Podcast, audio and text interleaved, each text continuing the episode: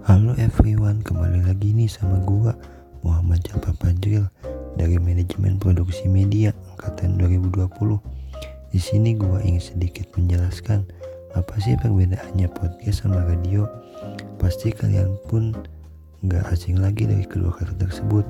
Kalian juga pasti ada yang tahu apa sih perbedaannya antara podcast dan radio.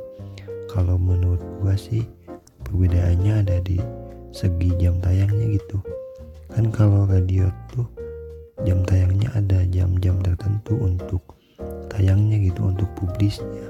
Tapi kalau podcast kan eh, semaunya si pembuat podcast gitu mau kapan pun si pembuat itu lagi santai bisa langsung eh, publis atau apa namanya tuh eh, upload gitu ke ke mana aja gitu kalau ditanya gue memilih podcast atau radio sih gue milihnya podcast karena kan podcast tuh lebih gampang gitu dibuatnya lebih fleksibel bisa dibuat oleh siapa siapa pun dan bisa dilakukan di mana pun gitu. Jadi podcast tuh lebih apa sih namanya nggak ribet sih gitu. Jadi kalian bi bisa mengisi waktu luang kalian dengan membuat podcast ya paling gitu sih menurut gua. Jadi gua memilih podcast intinya gitu.